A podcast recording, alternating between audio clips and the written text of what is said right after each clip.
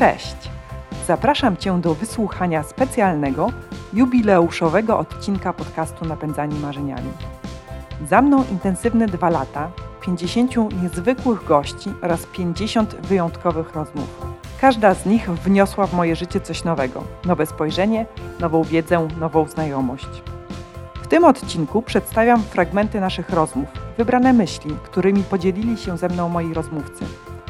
Nie jest to streszczenie, bo nie da się streścić kilkudziesięciu minut rozmowy w kilkudziesięciosekundowej wypowiedzi, ale jest to pewna namiastka, a dla tych osób, które słuchały całej rozmowy, także przypomnienie tematyki, którą poruszaliśmy. Zapraszam serdecznie. Cieszę się za każdą, e, za każdą lekcję, którą daje mi życie. To mhm. dobrą, te dobre rzeczy i te złe rzeczy, bo tak naprawdę złe rzeczy są złe w momencie, kiedy się dzieją. Z perspektywy czasu yy, wszystko jest dobre. Mhm. Z wszystkiego musimy coś wynieść, wszystkiego musimy się czegoś nauczyć. Chciałabym wrócić jeszcze e, na chwilkę do, do początku, w sensie do, do tej decyzji. Czy ta decyzja o zmianie stylu życia, tak to myślę, że można nazwać, e, sposob, e, o zmianie w ogóle sposobu życia, mhm. to był taki impuls, czy to dojrzewało w tobie? Ile, ile ci zajęło właśnie od y, takiej pierwszej myśli, że a może by rzucić to wszystko, do faktycznego, nie wiem, złożenia wypowiedzenia? No 12 godzin. O kurczę. Dokładnie 12 godzin. Pamiętam nawet ten wieczór. Mhm. E, to był Sylwester, e, który spędzałam w Marrakeszu. I od 20, czyli 4 godziny przed północą, miałam taką myśl, nie, już nie mogę. Muszę stąd uciec, muszę coś zmienić, muszę, muszę coś innego zrobić. I następnego dnia, 1 stycznia 2018 roku, e, o 8 rano, wysłałam wypowiedzenie I tu się z Tobą zgodzę, że rzeczywiście tak czasami e, może być, że jeśli łączymy pracę z pasją, mhm. bardzo trudno jest też odgraniczyć, co jest Twoim czasem wolnym, a co twojo, Twoimi zawodowymi obowiązkami. To mnie doprowadza czasami do szaleństwa. Myślę sobie, Boże, no dzisiaj to już mogłyby być chmury, bo przecież nie mogę patrzeć kolejną nocy gwiazdy, tak? E, no niemożliwe, trudno mi sobie wyobrazić. Wiesz, że zdarzają tak, się naprawdę nie. takie dni, zdarzają się, zdarzają się, e, ale mm, trzeba znaleźć w tym wszystkim rzeczywiście trochę równowagi. Mhm. Ja nauczyłem się tego parę lat temu, kiedy kiedy zacząłem też myśleć rzeczywiście, że, mm, że, że, że, moja praca, jako że się pokrywa z pasją, e, czasem pewne rzeczy utrudnia. Więc e, planuję sobie czasami mhm. taki czas totalnego lenistwa, w którym się nie zajmuję niczym związanym z astronomią. Ja wiem, że ona mi zawsze sprawia mnóstwo frajdy, ale, ale czasem lubię też po prostu w, zawinąć się w koc, usiąść na kanapie e, i oglądać przez cały dzień net, serial na Netflixie ja w tym całym procesie trzy poziomy bardzo mocno kładę na to, że przy każdym zadaniu był, była osoba na zasadzie mentor albo inspiracja, czyli osoba, mhm. która już to zrobiła przed nami. Dlaczego to jest takie ważne? Bo jeżeli znajdziemy osobę, która już to zrobiła przed nami, czyli kupiła klub piłkarski, mhm. możemy do niej napisać, zadzwonić, spróbować się spotkać. To nie jest łatwe, bo mhm. te osoby zazwyczaj są mało, często osiągalne, ale zadać pytanie. Cześć, słuchaj, jak wyglądał proces? No mówię, no w ogóle, bo wychowałem się na takiej nafcie, potem e, pracowałem tutaj, potem e, grałem w klubie piłkarskim. Okej, okay, dobra, czyli trzeba grać w klubie piłkarskim. Mhm. Potem zarobiłem dużo pieniędzy. Ile tych pieniędzy? No trzeba załóżmy 20 milionów złotych, żeby kupić klub piłkarski. No to 20 milionów złotych. I wiesz, i budujemy bazę informacji, mhm. które potem my jesteśmy w stanie rozłożyć na oś czasu. To, co my często robimy, to na zasadzie patrzymy na jakiś cel, mamy swój cel, załóżmy zbudować wielki dom, nie? I to mhm. jest wow, chcę mieć wielki dom, ale ale nie wiem, jak do tego dojść, więc wrócę do swojego życia i będę płakać, jak to tak. jest okropnie, nie? To, co trzeba zrobić, dowiedzieć się, ile ten dom kosztuje, ile trzeba pieniędzy, kiedy chcemy ten dom kupić. Złożność czasu zobaczymy, że ok, musimy co rok odkładać 50 tysięcy. Nie mam tych 50 tysięcy. No to co mogę zrobić, żeby te 50 mhm. tysięcy zarobić? Nie? Może trzeba jakąś firmę założyć. Znowu, nie mam tej wiedzy. I taka, wiesz, budujemy układankę na osi czasu, mhm. co się musi wydarzyć, żeby nasze cele osiągnąć. Ale mhm. potrzebujemy tej wiedzy, co my chcemy naprawdę osiągnąć. Dawno, dawno temu byłam na spełnieniu marzenia Damiana i on chciał pojechać do Legolandu. To jest jedna z kategorii marzeń mhm. dzieci, które spełniamy. Chciałbym, chciałabym gdzieś pojechać. Pojechaliśmy tam, zabraliśmy Damiana ze szpitala, w którym się leczył, dostaliśmy zgodę lekarzy na to, żeby pojechać. I pewnie wiesz, jak to jest, że jak e, dzieci chorują, to są pod ścisłą kontrolą wszystkiego. Nie mogą wychodzić na dwór, bo nie takie powietrze. Nie mogą jeść wszystkich dostępnych ogólnie rzeczy, bo to niezdrowe. Są e, na ścisłej diecie i naprawdę pod ścisłą kontrolą. A ten Legoland wymknął się totalnie spod takiego szpitalnego rygoru. I tam, że pamiętam, jaki mama miała wielki dylemat, czy pozwolić e, Damianowi na to, żeby zjadł frytki, popił je kolą, żeby pobiegł natychmiast potem zjadł loda i wrócił jeszcze po hot doga. Mhm.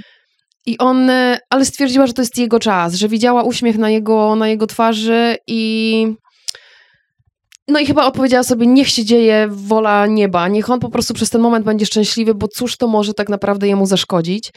No i to, i to było tak, że oprócz tego, tego Legolandu, oprócz tych atrakcji w postaci karuzeli i, i klocków, e, no atrakcją dla niego była absolutnie kola, frytki, hamburgery, hot dogi, lody. No i ten strach mamy. I pierwsze co, jak wróciliśmy ze spełnienia tego marzenia, zawsze jest tak, że sprawdzamy, że rodzice sprawdzają wyniki dzieci. Pierwsze mhm. kroki zawsze są w szpitalu, żeby zobaczyć, co się dzieje. I Damian po raz pierwszy, po raz pierwszy w trakcie całej choroby miał tak fantastyczne wyniki po spełnieniu tego marzenia. No więc to tak mhm. jest, że te marzenia mają ter terapeutyczną moc, bo ja wierzę głęboko w to, że jeśli jesteśmy szczęśliwi, jeśli mamy umysł e, taki otwarty na, na dobre doznania i tych, rzeczywiście e, obcujemy z takimi dobrymi doznaniami, no to to wpływa na cały nasz organizm i czujemy się wtedy zdrowsi i to absolutnie pomaga. to na pewno nakręca mnie um, jak czuję takie mrowienie -hmm. aż w końcówkach y, palców, -hmm. jak um, mam przed sobą jakiś projekt. I jest to projekt, który wiem, że może pójść um, fajnie, że można z niego wyciągnąć bardzo dużo. Czyli nie, że po prostu gdzieś jadę mm -hmm. i, i, zwiedzam sobie coś, Mm, natomiast, że z tego będę mogła nakręcić czy jakiś film, czy, e, czy właśnie potem zrobić prezentację, czy to ma jakiś przekaz dziennikarski, potem z tego pisać mhm. artykuły, może jakieś reportaże, to wszystko miksować, spotykać, może jakieś albumy z tego wydać. Więc jak ja mam jakąś taką rzecz większą przed sobą, mhm. mm, to mnie to cieszy szalenie. To jest dużo większa radość niż po prostu gdzieś jadę, mm, żeby pojechać. Nie, żeby coś w tym było złego, natomiast nie jest to taka ekscytacja, że wiecie, że, że dzieje się, że można zrobić, że że kurczę, że, że, że będziemy działać.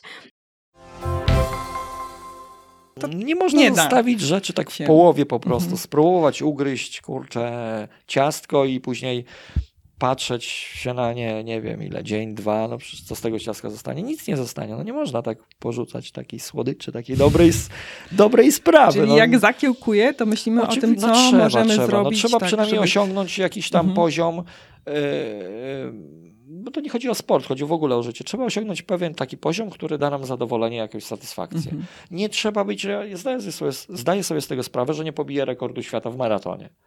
Ale wielką satysfakcję, wręcz porównywalną z rekordem świata, daje mi ukończenie tychże biegów, które mhm. ja e, biegam. Tak. Czyli ukończenie biegu na tysiąc mil, dało mi to poczucie tego, jakbym ustanowił rekord świata. I ja wiem, że to nie był, y, nawet na, na, na, tym dystansie to nie był rekord świata, bo zrobili to przed, no, garstka ludzi zrobiła, zrobiło to szybciej, ale dla mnie to był rekord świata. Małe dzieci bardzo często sam, od razu krzyczą: Ja sam, ja sam, ja tak. sam dajmy mu szansę, żeby w tym uczestniczyło i wtedy jakby, i wtedy trzeba podjąć świadomą decyzję. Albo e, e, budujemy samodzielność, no albo wybieramy coś innego, tak? Ale to mhm. ma znaczenie. I, i, I, może być też taki komunikat, który też czasami słyszę na różnych miejscach, na placach zabaw. Jesteś na to za mały. Mhm. Mm, to jeszcze nie czas. Nie wchodź na te drabinki, bo, e, bo spadniesz, ale to, to może jest co innego, tylko bardziej o to chodzi, że nie jesteś jeszcze gotowy, mhm. tak?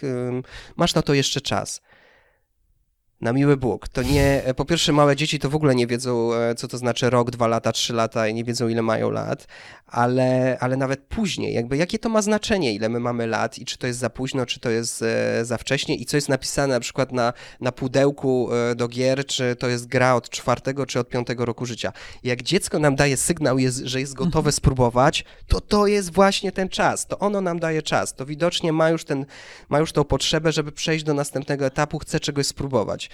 Dajmy mu się zmierzyć z tym, nawet jeżeli się pobrudzi, pochlapie, e, nie wiem, mm, byleby było bezpieczne, mm -hmm, tak? Ale mm -hmm. żeby doświadczyło. Jakby my uczymy tchórzostwa takiego życiowego, e, nie związanego z jakimś wielkim ryzykiem, tylko takiego tchórzostwa na przykład ucieczki przed problemami. Pojawia się jakaś trudność, nie rób tego. Mhm. Tak, schowaj się w takim razie. Tak, najczęstszą reakcją ludzi, jak pojawiają się kłopoty, e, to jest, no, że trzeba się wycofać, tak? E, tak. Więc, więc jakby przeciwko temu protestuję, mhm. w tym sensie, że jednak zachęcam ludzi do tego, żeby byli odważni, żeby jednak mówili to, co, to, co myślą, ale żeby też się nie bali na przykład mylić. Mhm.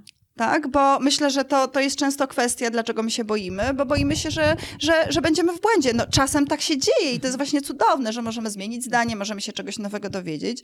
Więc zachęcam do odwagi, bo ta odwaga to jest otwartość głowy. Ja bym chyba tak definiowała odwagę. Mhm że my mamy otwartą głowę, jesteśmy otwarci na nowość, na różnorodność, jesteśmy ciekawi świata. To jest dla mnie tak naprawdę ta odwaga, istota mhm. tej odwagi.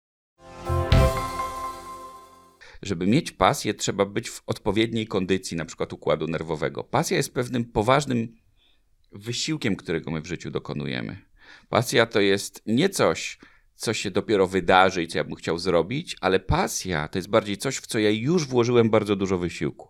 Czy ja się mhm. mogę obejrzeć za siebie i stwierdzić, że tyle w to włożyłem roboty, że to kurna jest chyba mhm. moja pasja w takim razie. Tak? Czyli pasja nie mam się, co oszukiwać. Tak. Mhm. Pasja nie jest coś takiego, że się tak, hmm, hmm, moją pasją będzie jednak rozmnażanie jeży. Nie, to, nie, nie, to w tę stronę nie. Czy ja mogę oczywiście zakładać, potem mogę sprawdzić, czy to, że te jeże ze mną mieszkają, to mnie sprawia jakąś przyjemność.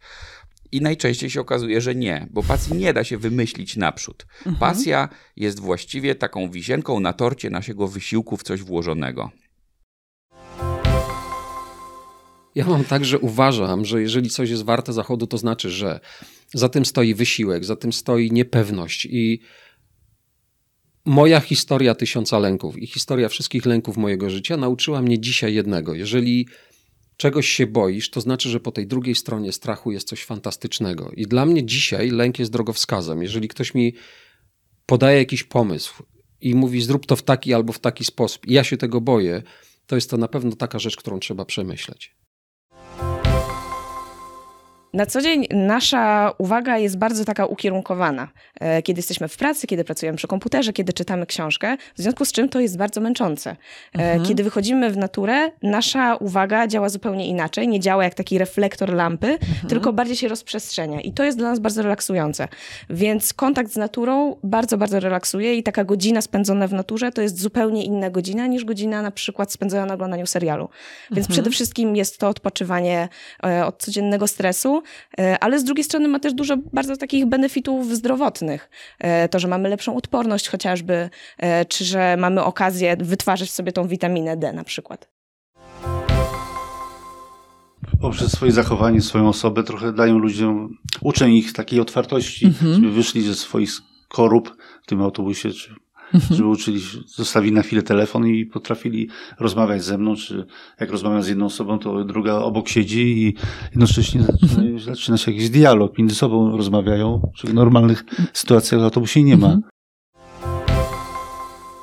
każdy koncert to jest wyjście na scenę i to jest sytuacja tu i teraz. Mhm. No, gram, nie mogę nic powtórzyć, nie mogę powiedzieć, przepraszam Państwa, ale dzisiaj się gorzej czuję.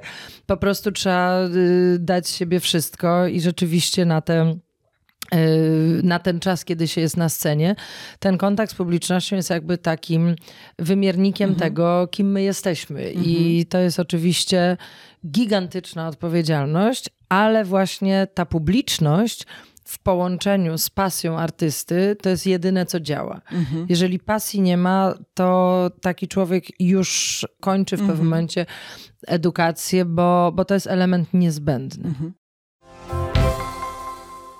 Brak czasu to jest wymówka, którą hmm. ludzie sobie lubią powtarzać, bo to jest wygodnie jest powiedzieć, że nie mam czasu, niż nie chce mi się albo niewystarczająco mi się chce. Jeśli e, nie jesteśmy samotną mamą, która wychowuje trójkę dzieci i, i próbuję złożyć e, no jakby budżet domowy mhm. pracując na kilka etatów, to myślę, że, że rzadko zdarza się relatywnie, że, że faktycznie ktoś nie ma czasu. To jest tylko kwestia chęci, sama fotografia jest powiedzmy takim narzędziem, narzędziem do tego, że ja chcę opowiadać historię. Ja Mhm. nie wiem, czy ja bym się nawet nazywała fotografem. Ja opowiadam historie, które mnie poruszają, o które, a które uważam, że są ważne do opowiedzenia. Mhm. Zależy w dużej mierze od tego, jak się do tej porażki podejdzie, bo ja mogłem przecież się załamać, popaść w depresję a, i lamentować nad tym, że moja wielka kariera podróżnika e, legła w gruzach, albo że ja, piątkowy uczeń his- z historii, nie potrafiłem zdać tej matury z historii. I myślę, że tutaj jest ta rola filozofii, o którą mnie pytałaś, Mhm. Że ona mi pozwala się zatrzymać i spojrzeć krytycznie na to, czego doświadczam i zastanowić się, czy to rzeczywiście jest porażka. Czy to rzeczywiście jest coś złego, co mi się przytrafiło.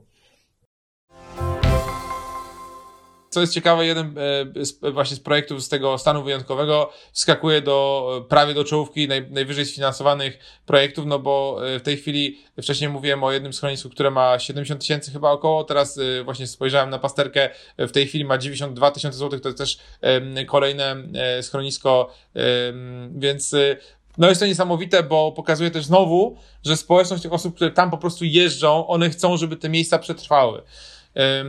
I to, y, więc jeżeli będziemy szanować społeczność, jeżeli będziemy e, razem z nią współpracować, to ona się po prostu odwdzięczy. Ona będzie, ona nam pomoże sfinansować coś, y, ale pamiętajmy o tym, że ona też będzie chciała koniec końców gdzieś tam otrzymać faktycznie to, co, co było obiecane.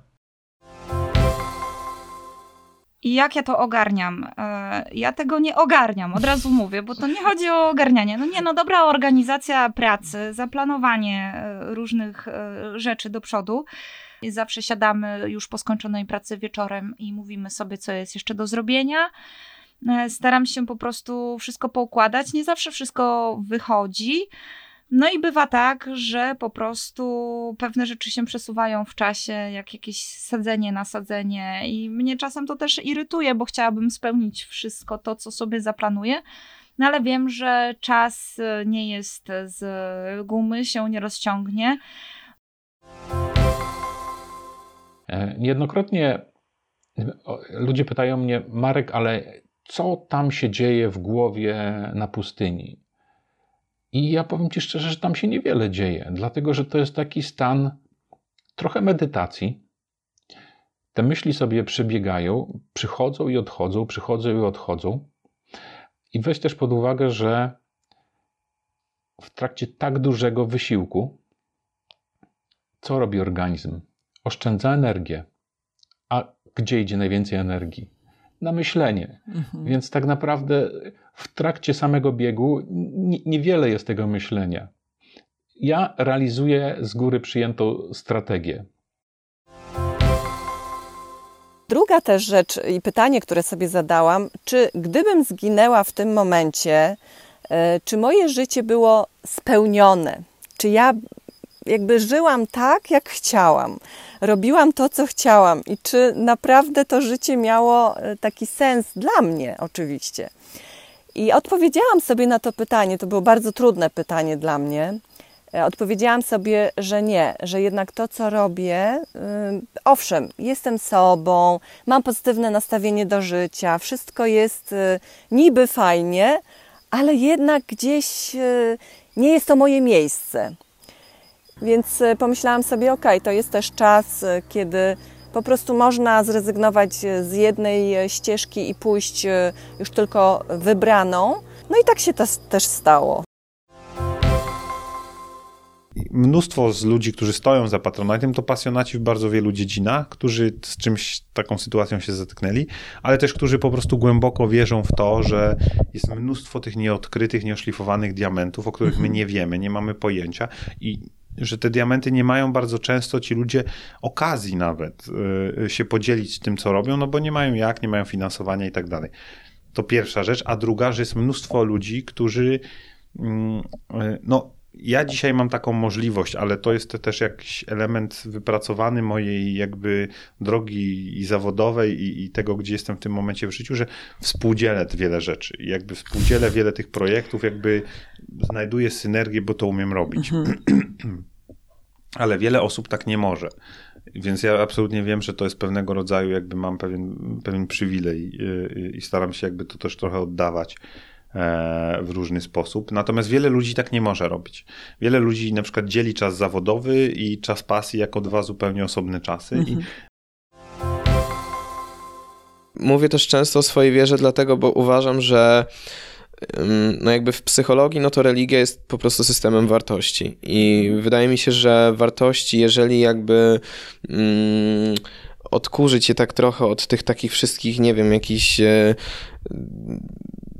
pozostałości z tradycji, tylko po prostu sedno e, mhm. religii, e, czyli tak właściwie no, chrześcijaństwo jest dla mnie religią miłości, e, no, to, no to wtedy można tak właściwie uzyskać taki bardzo fajny szkielet wartości, które mogą pomóc w życiu. Po prostu wydają mi się mega uniwersalne i, i przydatne dla ludzi. I mimo to, że lubiłam swoją pracę, bo miałam no, fajne, fajne obowiązki, to to jednak to niepoznanie siebie, takie brak w ogóle takiego, takiego spójności, pytania swojego serca i rozumu, co chcę w życiu robić, tak, jakie decyzje podejmuję, to w ogóle nie byłam wielu rzeczy świadoma na swój temat i te cele były po prostu wyłącznie pochodziły z rozumu, tak? Mhm. Aha, fajne, y, fajne miejsce pracy, fajna fajna praca, fajna kariera, no to też fajne pieniądze, no co może się nie zgadzać, tak? Wszystko jest fajnie, więc powinno to się przelać na szczęście. A jednak nie i, i na ten temat też staram się ludziom mówić, jak mówią mi o swoich marzeniach, żeby właśnie czasem, zanim gdzieś pójdą jakąś ścieżką, to zapytali swojego serca, rozumu, dali sobie trochę czasu. Ja na przykład dużo rozpisuję to trzeba też czuć po prostu. No można pójść na łatwiznę, znaleźć jakiegoś um, przedstawiciela handlowego, -hmm. który cię obwiezie po tych miejscach. absolutnie I to, i to też jest dobra metoda, no ale wiadomo, też kosztuje odpowiednio więcej. A, a możesz też próbować i własnymi e, siłami e, szukać. Podobnie jest z e, krawcowymi. No, wiesz, no to tak jak z szukaniem narzeczonego. Kilka żab trzeba pocałować, zanim się któraś zmieni w księcia. E, więc tutaj my też mamy w, i, i dobre, i złe doświadczenia. A... Naprawdę kilka żab pocałowaliśmy, albo nawet kilkanaście. Każdy, kto się pyta, że kurczę, ty nie zrobiłeś mhm. studiów, albo w ogóle masz taką, taką firmę, to jakie ty studia kończyłeś, nie? Więc jakby nie kończyłem żadnych studiów, e, ponieważ myślę, że e, są pewne kierunki, gdzie te studia trzeba skończyć, tak? Medycyna, prawo, z tych rzeczy trzeba być obkutym, ale żeby pójść do marketingu, to można być po budownictwie i tak samo można być mechanikiem samochodowym i kurczę, sprzedawać oferty turystyczne. No to naprawdę nie ma moim zdaniem e, aż takiego znaczenia. Należy pamiętać, ja to zawsze jak jadę gdzieś na warsztaty do drużyn, to każdy chce być na górze, każdy chce być podnoszony. Ja zawsze mówię, hej, bez tych na dole was nie będzie na górze. Jakby szanujemy się nawzajem. Bo często tak jest, że e, podnieście mnie, podnieście mnie. Hej, ale czy znasz technikę, jaką masz zastosować na górze, żeby im było lżej? Jak nie, no to chodź, schodzimy, ja cię nauczę i dopiero wtedy no, musimy nauczyć tych, tych, tych ludzi po prostu szacunku, że tak powiem, tych, którzy podnoszą, do tych, którzy są podnoszeni i też jeżeli są już bardzo trudne elementy, jeżeli osoba, która jest w górze się czegoś wystraszy albo zmieni, to tam jest bardzo dużo takich mhm. psychologicznych mhm. rzeczy, to naprawdę nie trudno o bardzo groźny wypadek. W tanecznym to najwyżej sobie skręci kostkę.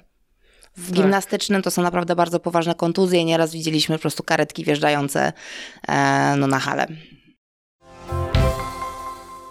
cały czas przekraczam te swoje granice też, do czego jestem zdolny, do czego, e, jakie mam możliwości i czasami jest to bardzo bolesne, ale ja mam głód bodźców, ja potrzebuję dużo adrenaliny, i takiego uderzenia tej adrenaliny, takiego wtedy no, dopamina od razu mój mózg zalewa, jestem szczęśliwy, prawda? A to tak jak z jazdą na motocyklu na przykład z kolegą, który mm, miał taki motocykl K750 z koszem z czasów powojennych na bazie BMW 750 i on w koszu siedzi, ja na motocyklu i po łąkach jeździmy. Wow. I to jest niesamowite uczucie. Ja się zastanawiam, kto ma więcej adrenaliny, ja czy on. Podobnie będzie, jeżeli, jeżeli znajdziemy to coś, co kochamy, to coś, co poświęcimy mu e, pracę e, i, i być może będziemy dążyć do mistrzostwa, aczkolwiek Nie zawsze trzeba, mhm. bo czasami ta droga jest e, ciekawsza i, i, nie każdy ma potrzebę w ogóle poprawiania rekordów świata, e, zdobywania jakichś e, medali, mm, a samo po prostu uczestnictwo, bycie tam, cieszenie się, posiadanie właśnie jakiegoś hobby, realizowanie marzeń, to jest właśnie to, do czego powinniśmy dążyć. Szczególnie gdy to dzieciństwo jest nieco trudniejsze od moich rówieśników, to warto być odpowiedzialnym za własne życie, ponieważ e, kiedy jest ciężej, tak, kiedy e, te warunki są niesprzyjające, to jest taka duża pokusa, by się poddać i e, robić to, co wszyscy, czyli tak naprawdę po prostu iść za tłumem. A mnie to nie interesowało. Ja chciałem bardzo robić coś więcej i e, chciałem realizować swoje marzenia. I wiesz, ty w trakcie swojego podcastu często mówisz o, o marzeniach i, i, to jest cenne. Ja jestem wielkim zwolennikiem marzeń i, uważam, że marzenia to jest coś więcej niż cele. Mm, I, I mam takie poczucie, że właśnie ta odpowiedzialność za własne życie jest jednym z kluczowych, moim zdaniem, czynników do tego, żeby realizować swoje marzenia. Ponieważ ja się szybko nauczyłem tego, że nikt za mnie nie będzie realizował marzenia. To znaczy, jak jesteś dzieckiem, to cię uczą, że e, żeby wierzyć w świętego Mikołaja, potem, żeby wierzyć w rodziców, potem, żeby wierzyć w otoczenie i wspierających nauczycieli i kolegów i koleżanki. Natomiast to jest do jakiegoś etapu, prawda? E, zaczynasz wkraczać w młodzieńcze lata, zaczynasz mieć 14, 15, 16 lat i widzisz, że ten świat trochę inaczej funkcjonuje, że święty Mikołaj to piękna historia, która wzbogaca nasze dzieciństwo, jednocześnie nie do końca w życiu dorosłym ma odzwierciedlenie. No tu chciałbym ci opowiedzieć, że, że miałem jakieś niezwykłe doświadczenie, że gdzieś wyjechałem do jakiejś winnicy, że o świcie, nie wiem, e, krzewy winorośli mi się pochyliły i mnie powitały e, o, właśnie o poranku. No, no nie, no nie miałem żadnych takich doświadczeń. Pracowałem w gastronomii, pracowałem od e, pomocnika kelnera przez kelnera i, i gdzieś trochę tych szkoleń w tym zakresie wina zacząłem mieć. Zobaczyłem, że jejku, jakie to jest fajne, jakie to jest interesujące, jakie to jest proste, że, że wielu osobom się kojarzy wino z jakąś tajemną magią, w ogóle z jakimś takim niezrozumiałym produktem, a nagle zobaczyłem, że jakby czytając o tych sposobach jakby produkcji na, na, na wino, że jakie to jest logiczne, jakie to jest proste e, i też zaczynałem powoli odkrywać, jak, jak, jak, jak miałem od kogo czerpać, kogo ciągnąć. Tu jeszcze szczęście jakby dopisało, że wokół mnie pojawiły się osoby, które naprawdę dużo wiedziały o winie, więc ja je ciągnąłem mocno za rękaw. No i, i szybko nabrałem przekonania, że, że jestem w niszy, że jestem w gronie osób, które naprawdę y, są nieliczne, które mają wiedzę na temat wina. Y, I zobaczyłem, że jakie to też jest y, proste, więc, więc odkryłem tu przestrzeń na siebie jakby zawodową. Tyle. No, nie ma tu wielkiej tajemnicy. Ten wpływ genów jest często przeceniany, bo e, wiele osób e, myśli, że e, gdy są otyli, to, to jest kwestia genów, bo na przykład mama była otyła, podczas gdy to jest też kwestia dziedziczenia nawyków, przyzwyczajeń. E, nie ma wątpliwości, że geny mają decydujący wpływ, jeśli chodzi o takie choroby jak zespół Downa czy e, fenyloketonuria albo inne wady, które nie pozwalają nawet przyjść człowiekowi na świat, bo trzeba powiedzieć, że wiele książ kończy się no niestety proniejem. Więc w tym wypadku geny mają ogromne znaczenie, to prawda. Natomiast jeżeli ktoś już przyszedł na świat i E, dożył powiedzmy wieku dorosłego, to znaczy, że naprawdę już e, ma mocny zestaw genów, miał szczęście w loterii genetycznej, e, więc można zakładać, że jest to bardzo prawdopodobne, że jednak dożyje przynajmniej tej starości albo późnej młodości. I, w tym wypadku ten okres dorosły, to jak on będzie przebiegał, jaka będzie jego jakość, mam na myśli głównie stan zdrowia, bo E, nie da się ukryć, że jeśli jesteśmy zdrowi, no to nie tylko żyjemy dłużej, ale i lepiej, bo po prostu, po prostu odpada nam całe mnóstwo problemów z głów, e, dlatego zdecydowanie warto się starać. Trzeba próbować i się inspirować. E, ja jak spotkałam się z Grześkiem, to on mi powiedział, że jakby najważniejsze jest inspirowanie się. Można tam za pierwszym razem tam zobaczyć przepis, ale że generalnie trzeba kombinować, że można się inspirować, ale żeby nie czytać gotowego przepisu, no mhm. bo to cię ogranicza. Bardzo lubię pisać, dla siebie też piszę opowiadania. Planuję też napisać książkę tak w przyszłości, tak powiem, z, ple, z historiami o plecakach z różnych państw, ponieważ w każdym państwie znajdzie się bardzo dużo plecaków, e, które mają bardzo ciekawą historię. Mogą się wydawać, jak na nie spojrzymy, że no taki zwykły plecak, ale może skrywać w sobie taką historię i za tym może się też ukrywać nastolatek albo jakaś osoba, która taka też była historia, wychowała się w więzieniu, no później stworzyła jakiś plecak dla ekologii, coś w tym stylu. Też taki planuję. Ja miałem taki moment, w którym bardzo mnie poruszyła taka świadomość, kiedy stałem pod drzewem, pod którym stoję bardzo często, tak ze dwa razy w tygodniu. Ja się patrzyłem na to drzewo i sobie uświadomiłem, że e, a obok stał Jaś, mój 12-letni syn i uświadomiłem sobie, że pod tym drzewem za lat 70 Jaś będzie mógł stać ze swoimi prawnukami. I ja miałem, wiesz, ja tak nie... Ja jakieś czuję głębokie wzruszenie, jakąś taką niesamowitą energię do robienia rzeczy, jak, jak mam myśl, że coś, co robię, ma znaczenie dla moich praprawnuków, dla tego pokolenia, którego ja nigdy nie spotkam. E, no i wtedy właśnie poczułem tą energię do tego, że żeby sadzić lasy. To sadzenie lasów to jest trochę uproszczenie tego, co my robimy. Na pewno jak się wchodzi do zimnej wody, to człowiek się staje spokojniejszy i bardziej wyważony. E, z tego, powodu, z tego powodu, że to jest dosyć duże wyzwanie. Mm, wejść do tej wody, potem tam utrzymać spokój, utrzymać oddech. E, I to jest y, konfrontacja z takim bardzo silnym stresem, na który się też człowiek sam decyduje, sam z siebie. Mm, e, więc y, potem, jeżeli mamy do czynienia z jakimiś takimi błahostkami na co dzień, to jest dużo łatwiej sobie z nimi radzić. Miałam wtedy 22 lata, tak? Więc tak Mhm. naprawdę y, człowiek, który, kobieta, która jest dopiero na początku gdzieś tam swojej drogi życiowej, czy zawodowej, czy, czy rodzinnej, czy jakiejkolwiek innej.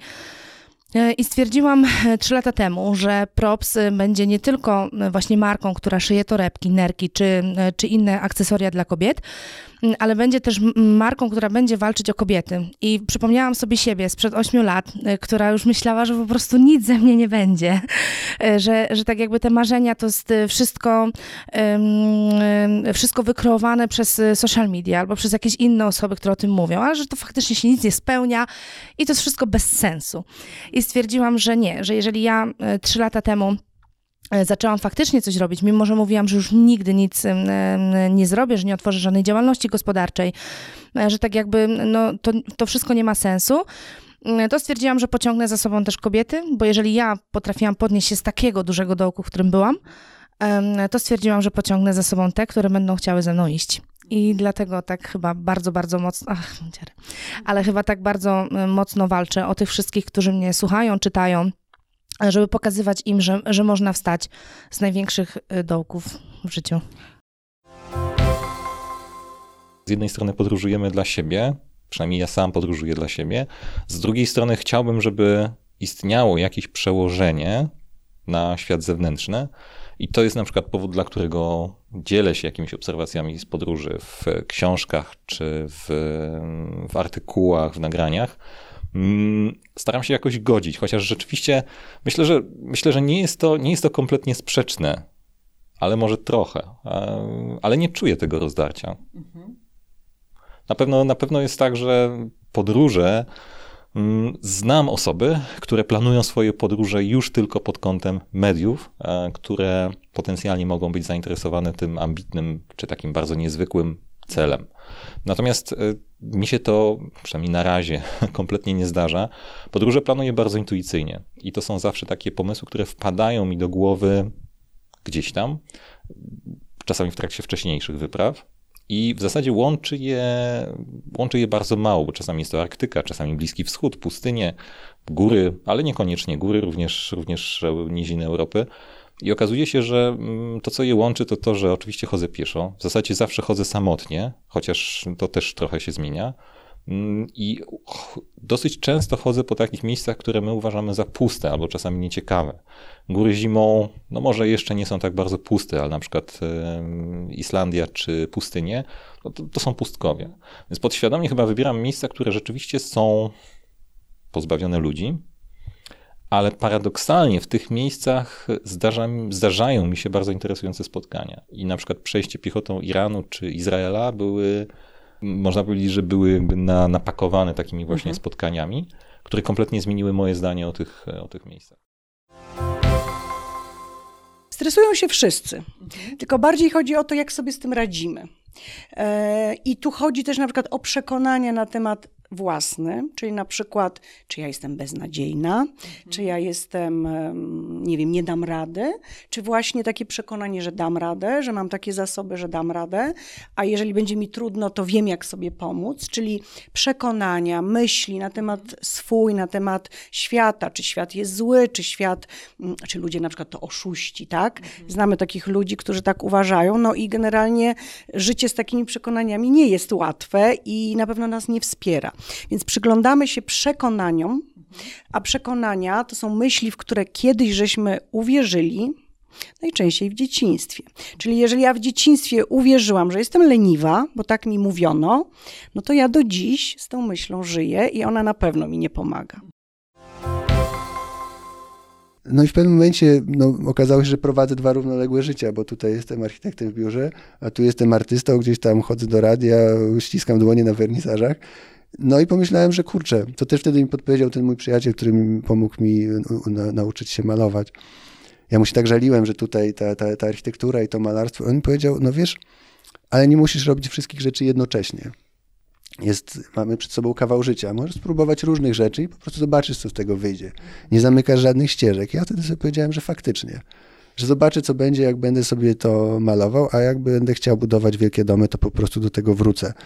E, no i tak się stało, że, ta, że ta, to, czym się zajmuję teraz, y, jest, y, jest tym, czymś, co mi daje bardzo dużo satysfakcji, co dobrze prosperuje i co daje mi kolejne nowe, nowe wyzwania i, i fajne możliwości. No i bardzo chcę iść w tym kierunku, no decydując jakby godząc się z tym, że no już raczej wieżowce mojego projektu nie powstaną. Z tych wszystkich tradycji, e, tego wszystkiego, co e, czerpiemy od, e, od przodków, co myślisz jest taką kluczową rzeczą, którą warto się zaopiekować i, i, i zadbać, żeby ona przetrwała, taką no, najważniejszą dla nas, bo no, świat się zmienia i dzisiaj musimy zabiegać o to, żeby właśnie te rzeczy kultywować. To już się nie dzieje tak samo z siebie jak kiedyś. Wiedza. A jaka wiedza? Pamięć o tym, co było. Pamiętaj, że e, wiesz, czy, zależy, czy mówimy o wiedzy takiej globalnej, czy wiedzy e, rodzinnej. Mm, warto pamiętać choćby przepisy babci. Warto pamiętać choćby ziółka, które babcia używała. E, warto pamiętać to, co było, tak? Skąd pochodzimy, kim jesteśmy. Pamiętaj, że nasi przodkowie dają nam wszystko, co najlepsze i wszystko, co najgorsze. I trzeba umieć to rozdzielić. To biorę, tego już nie. Po prostu trzeba podzielić. Mhm. Trzeba mieć świadomość tego, co było złe, i albo to niesiesz dalej, albo to porzucasz. Albo uzdrawiasz ród, albo go kaleczysz dodatkowo swoimi lękami. Jakby zawsze miałam takie poczucie, że to y, ceramika nie powinna się kojarzyć z taką zakurzoną pracownią i jakimś y, grubym, ciężkim naczyniem, tylko może być czymś pięknym i czymś y, takim nowoczesnym też, y, y, przedmiotem, z którym po prostu żyjesz na co dzień i masz przyjemność skorzystania te, z tego. Więc dlatego w pewnym momencie trzeba mieć jakiś priorytet na to, co jest dla ciebie najważniejsze i no, co chcesz dalej robić, tak? Bo, bo, bo, bo tak to wyglądało u mnie, że ja po prostu zadecydowałem, stanąłem na takim rozdrożu trochę i miałem takie dwa dylematy, czy iść dalej tą ścieżką korpo i, i pracować, robić to, co robiłem, czy iść tą stronę właśnie realizacji moich marzeń, przerobić właśnie pasję i hobby na biznes. No i właśnie ta pasja i hobby e, wygrała, tak? I, I w tą stronę poszedłem i wszystko jest możliwe, tylko wiesz, wszystko jest w głowie, nie? I od głowy się zaczyna, jak dobrze sobie na poziomie sobie głowy poukładasz, to potem już tak wszystko jest e, no proste, tak? I da się. Rolnictwo wbrew pozorom daje bardzo duże pole do rozwoju w Mhm. różnych kierunkach. Ja mówię, że tutaj rolnik to nie jest tylko i wyłącznie rolnik, to jest agronom, to jest chemik, to jest fizyk, to jest właśnie już teraz marketingowiec, to jest księgowy.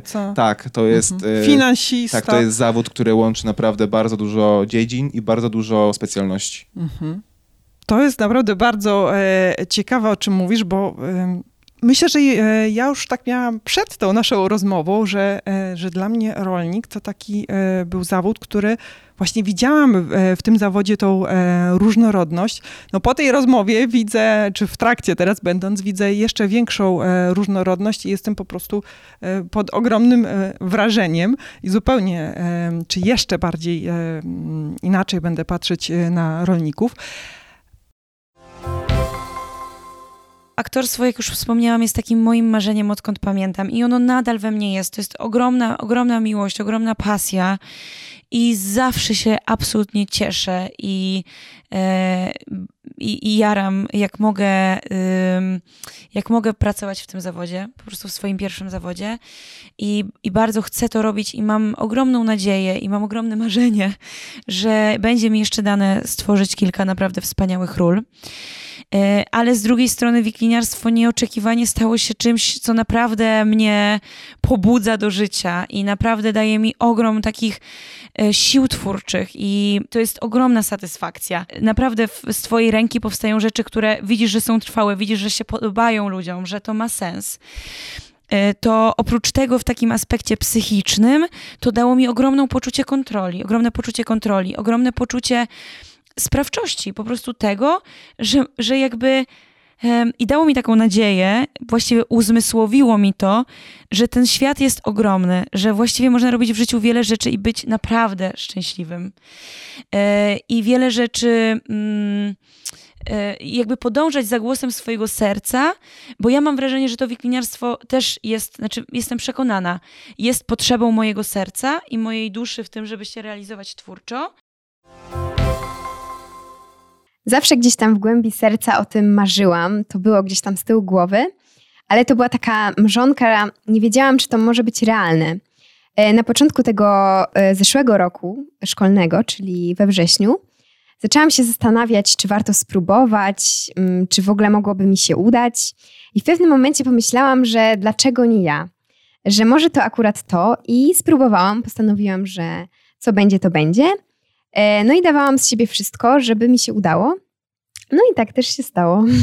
Jeśli tak używasz takiego sformułowania udało się, e, myślę, że tutaj to nie jest tak, że to się udaje, tak? To jest, są lata ciężkiej pracy i takiej aktywności, właśnie aktywności, inicjatywy związanej z em, uczestnictwem w dodatkowych e, warsztatach i pokazywanie tej motywacji. Wiedziałem, że nie jestem synem alkoholika, że jestem sportowcem. I to, było, to był ten przełom. Zmiana myślenia o sobie, czyli uwierzenie, że nie jesteś tym, kim świat cię widzi, tylko jesteś tym, kim chcesz być. Dzięki swojej pracy, dzięki temu, że zasuwasz, dzięki temu pewnie, że masz jakieś dary, ale jesteś tym, kim chcesz być. Ja wierzę też, że jesteśmy napędzani marzeniami właśnie i mam taką teorię, że marzenia są właściwie takim niezbędnym e, składnikiem do szczęścia, dlatego do szczęścia i do dobrego życia. Dlatego, że kiedy marzymy i spełniamy te marzenia, to jesteśmy szczęśliwi. Jak jesteśmy szczęśliwi, to pojawia się przestrzeń do tego, żeby tym szczęściem się dzielić. Jak tym szczęściem się dzielimy, no to generalnie jest to, pojawia się to dobro, tak? I sprawiamy, że to życie nasze i innych jest y, lepsze. Żeby marzenia zrealizować, trzeba mieć odwagę. Ja uważam, że to jest cudowne, że, że marzenie potrafi napędzać, że prawdziwe marzenie to pali cię od środka, kradnie ci każdą chwilę, robi coś, że ty po prostu działasz. Ja w to wierzę, bo sam mam takie marzenia, sam ta, takie marzenia, ale to jest punkt zapalny. To cię zapala. Później nawyk potrafi wytrwać i skończyć dane rzeczy. najlepsze startupy, które y, są prowadzone przez, które osiągają największe sukcesy, to jednak są osoby, które pracowały gdzieś wcześniej. W jakiejś małej firmie, w urzędzie, w korporacji, bo łapią narzędzia. bo widzą, jakimi szefami nie chcą być, bo widzą, e, jak działają pewne tryby w organizacjach, budują sobie network w ten sposób i są w stanie chociażby pozyskać pierwszego klienta, idąc do tej organizacji, mówiąc: Cześć, pracowałem tu przez rok, może byś kupił ode mnie coś tam. Rzadko zdarza się tak, że mamy studentów, którzy są na tyle kompetentni, że nie pracując jeszcze nigdzie, zrobili fantastyczny startup, który im wystrzelił. To oczywiście zdarza się. Wyjątek potwierdzający regułę. Masz taki ciekawy nick. Ja chciałam się zapytać, e, skąd się wziął twój pseudonim, bo tak jak rozmawiamy, to jakoś mi on... To nie jest pierwsza myśl, która mi e, przychodzi do głowy. On brzmi cichy zabójca. Tak. To znaczy, to się wzięło z, mm, z biegu Ramagedon Sahara pierwszego, gdzie, gdzie jadąc na pierwszy etap e, w autobusie do takiej zwanej oazy Flint, no ja tych ludzi, którzy tam byli, nie znałem. Oni też mnie nie znali. Gdzieś siedziałem z tyłu w, w autobusie. No i e, w tej grupce osób siedzących z tyłu tam były rozmowy na temat tego, kto co wygrał, co ktoś tam przebiegł i tak dalej. A ja tak troszkę do tych biegów podchodzę do tych różnych tam, że tak powiem, przedsięwzięć e, zdroworozsądkowo, więc ja jadąc po prostu sobie spałem, odpoczywałem, regenerowałem się, żeby jak najwięcej sił by, jakby zebrać. No i siedziałem sobie tam z boku, gdzieś tak wkulony, jeszcze obok siebie miałem taką osobą trochę większą, więc no to tak byłem wklejony w tą szybę trochę jak, nie wiem, śledź w, w puszce. No i po biegu się okazało, że wygram i było, było takie pytanie, ale kto, co, gdzie? No hmm. ten, co tam siedział. No i tak ktoś mnie nazwał cichy zabójca i tak to zostało. Na jednym z twoich e, profili w mediach społecznościowych znalazłam też takie e, zdanie, motto pracuj ciężko w ciszy, niech efekty robią hałas. Tak, e, ja to też gdzieś tam, ktoś jak mnie zapytał o takie właśnie jakby motto, jakiś taki, taki motyw przewodni, uznałem, że to idealnie do mnie pasuje, bo bo nie chwalę się tym, co robię, w sensie treningów i tak dalej. E, niech to, jeżeli coś tam wygram, przebiegnę, to, to jakby mówi o tym, co mhm. robię. Ja w tej korporacji faktycznie zaczynałam jako asystentka. E, doszłam do bardzo wysokiego stanowiska kierowniczego, co na tamten moment mi się wydawało właśnie, że jak ja już będę tą kierowniczką, to już po prostu będzie tak cudownie, że po prostu nic więcej nie trzeba. Mm, no bo e, kierowniczka miała służbowy samochód, miała służbowy laptop, telefon, w ogóle super. E, no i pensję całkiem niezłą. Mhm. Mm, ale okazało się, że za tymi wszystkimi cudownymi rzeczami, y, no to niestety trzeba jednak trochę poświęcić, e, żeby to wszystko otrzymać, tak? I y, ja na tym kierowniczym stanowisku w sumie chyba przetrwałam przez pół roku. E, więc e, biorąc pod uwagę to, jak długo dochodziłam do tego stanowiska, to, to w ogóle jakiś ułamek. Mm, ale po prostu ja z każdym tygodniem czułam, że to nie jest dla mnie. I mój mąż, który też na początku wszystkim mówił, że e, zobaczcie, moja żona jest kierowniczką, w ogóle cudownie, tak? W którymś momencie zaczął mówić, ty wiesz, nie macie ciągle w domu. Ty wychodzisz jak, e, wtedy mieliśmy tylko jedno dziecko, ty wychodzisz z domu jak e, Szymon e, jeszcze śpi, a mhm. wracasz kiedy on już śpi. Mm, pani w przedszkolu, kiedy odbierałam syna, zapytała mnie, kim ja jestem, bo mnie nie znała i po prostu dla mnie to był taki szok, że jak to ona mnie nie zna? Przecież ja z nią koresponduję mailowo, tak? Więc, mhm. Ale ona mnie nigdy nie widziała na oczy. Um, więc no, to były takie jakby ziarenka, które się zbierały i w którymś momencie, kiedy dostałam impuls, e, który wyszedł bezpośrednio jakby od mojego szefa, e, no to bez chwili zastanowienia po prostu rzuciłam papierami i powiedziałam, no to, no to się pożegnamy, tak? Jest takie powiedzenie, że zazwyczaj ludzie przeceniają to, co mogą zrobić w ciągu roku, a nie doceniają tego, co mogą osiągnąć w ciągu 10 lat. Podpisuję się pod tym zdaniem. Już patrząc na te minione dwa lata, czuję ogromną dumę i radość z tego, jak dużo osiągnęłam. Nie zrobiłam jednak tego sama, dlatego w tym miejscu chciałabym serdecznie podziękować Agacie Chmielewskiej, matce chrzestnej napędzanych marzeniami, która podsunęła mi pomysł na uruchomienie podcastu, Agnieszce Szafrankowskiej, a obecnie Jasińskiej, mojej prawej ręce, bez której rozmowy by się nie zadziały ani by nie ujrzały światła dziennego, Kamilowi Dudzińskiemu, to on wycina wszystkie yy, a i pauzę, w których zastanawiam się, jakie zadać kolejne pytanie, a w wersji wideo uatrakcyjnia nasz statyczny kadr. Patrycji Zagórskiej, która język mówiony zamienia na tekst pisany, Marcie Zubik i Kamilowi Szczurowskiemu, którzy tworzą grafiki do każdej rozmowy, Klaudii Bogusz za pomoc w kilku odcinkach, kiedy Agnieszka wybiera się na urlop. Dziękuję bardzo serdecznie wszystkim 50 gościniom i gościom, którzy zaufali mi i zdecydowali się podzielić z Wami swoimi historiami. Specjalne podziękowania kieruję do Was, drodzy słuchacze i widzowie, za to, że słuchacie i oglądacie, za Wasze polubienia, udostępnienia, komentarze i wiadomości. Zapraszam już wkrótce do kolejnych rozmów. Mam nadzieję, że nie możecie się ich doczekać tak bardzo jak ja. Życie jest zajebiste.